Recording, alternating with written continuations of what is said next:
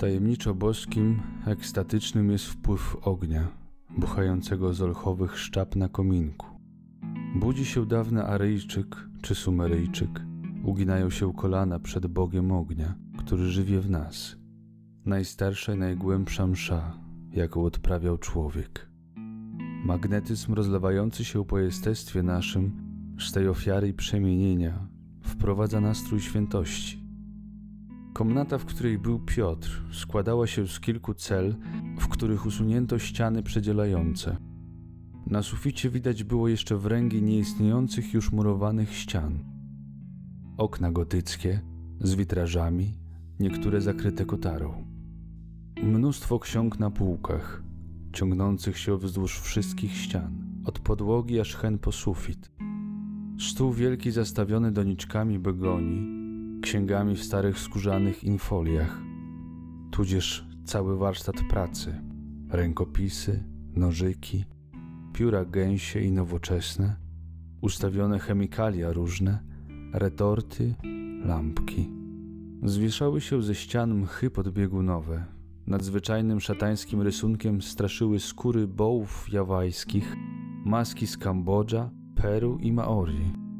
Tkaniny malowane, krysze zatrute, chińskie miecze katowskie. Zapalił mu ksiądz światło acetylenowe. Zajrzał Piotr przez tubę mikroskopu i ujrzał przecudny rysunek tkanki. Ksiądz zajmował się badaniem choroby raka.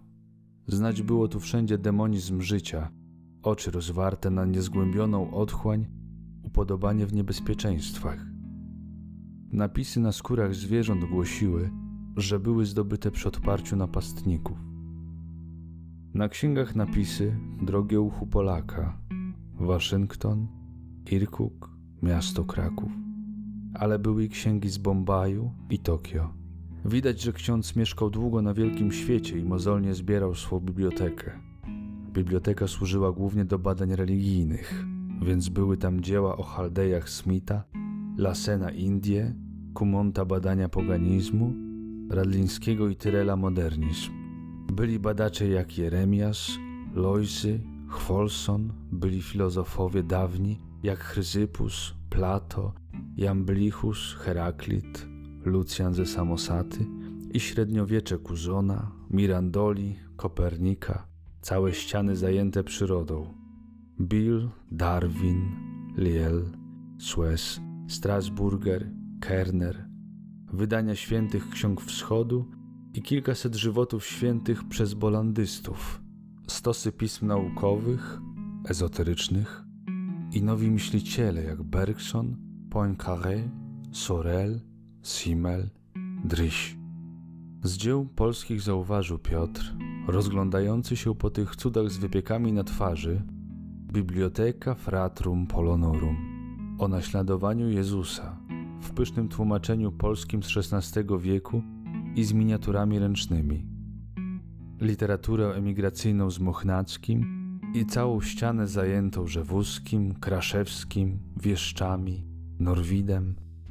Byli pisarze po roku 63 i Młoda Polska. Teraz dopiero wyczuł Piotr bezmiar swej tęsknoty za wyrośnięciem wzwyż, za dokonaniem swego czynu i swej myśli.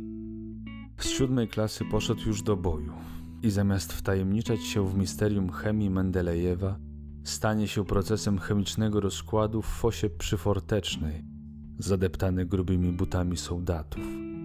Z nienawiścią spojrzał na rozwartą Biblię.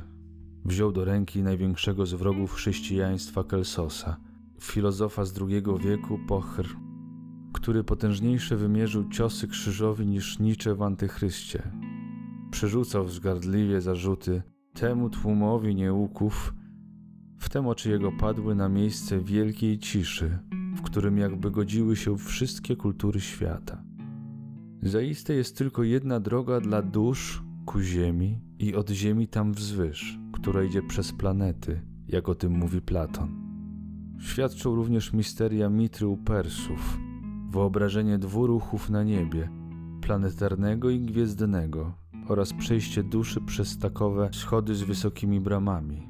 Nad tymi jeszcze drzwi ósme. Pierwsza brama jest z ołowiu, druga z cyny, trzecia ze spiżu, czwarta z żelaza, piąta z metalu mieszanego, szósta ze srebra, siódma zaś ze złota. Pierwsza przypisana Kronosowi, przez ołów znamionuje powolność tej gwiazdy. Druga Afrodyty, porównywana do niej jasnością i miękkością cyny.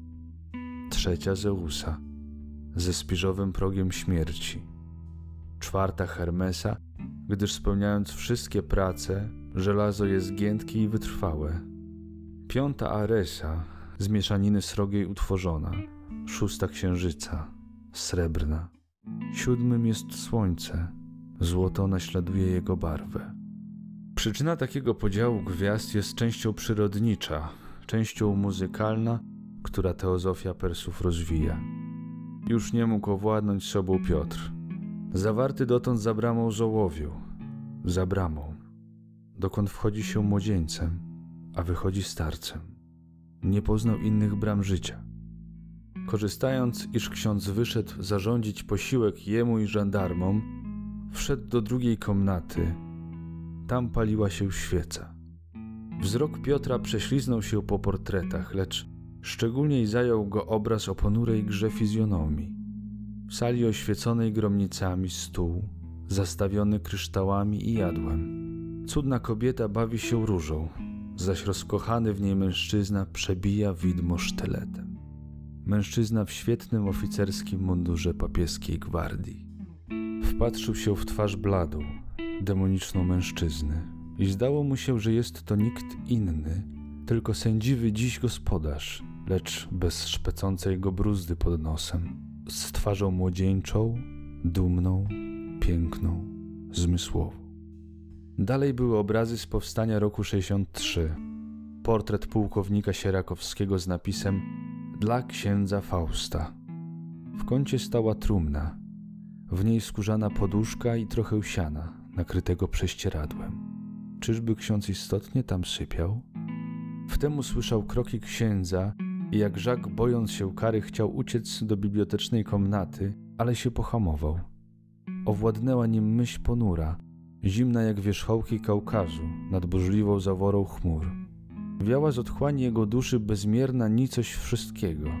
Ksiądz wniósł na tacy czajnik z wodą gorącą i herbatą, duże szklanice, kawał niekrajanego chleba razowego, rzodkiew sól i piękne jabłka. Oto willa więzienna, rzekł.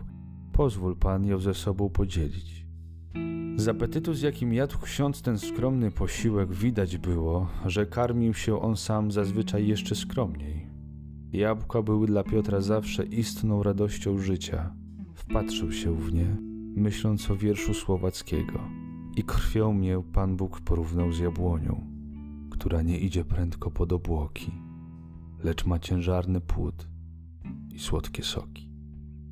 Zawstydził się Piotr, ujrzawszy, że z pochylonej twarzy stoczyły się mu na podłogę duże łzy. Zawstydził się, gdyż objęła go oto wielka hardość. Tak, on schodzący zbyt młodo do mogiły nie będzie niczym niższym od tych mędrców.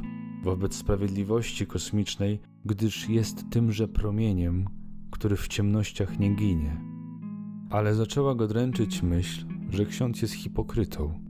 Kiedy zdobywszy wierzchołki myśli, podtrzymuje w innych wiarę w ciemny i martwy kanon dogmatów. Wyraził to mniej więcej oględnie. Pan myślisz, że burzami rozwierają się najgłębsze wrota, a może tam trzeba iść przez uspokojenie.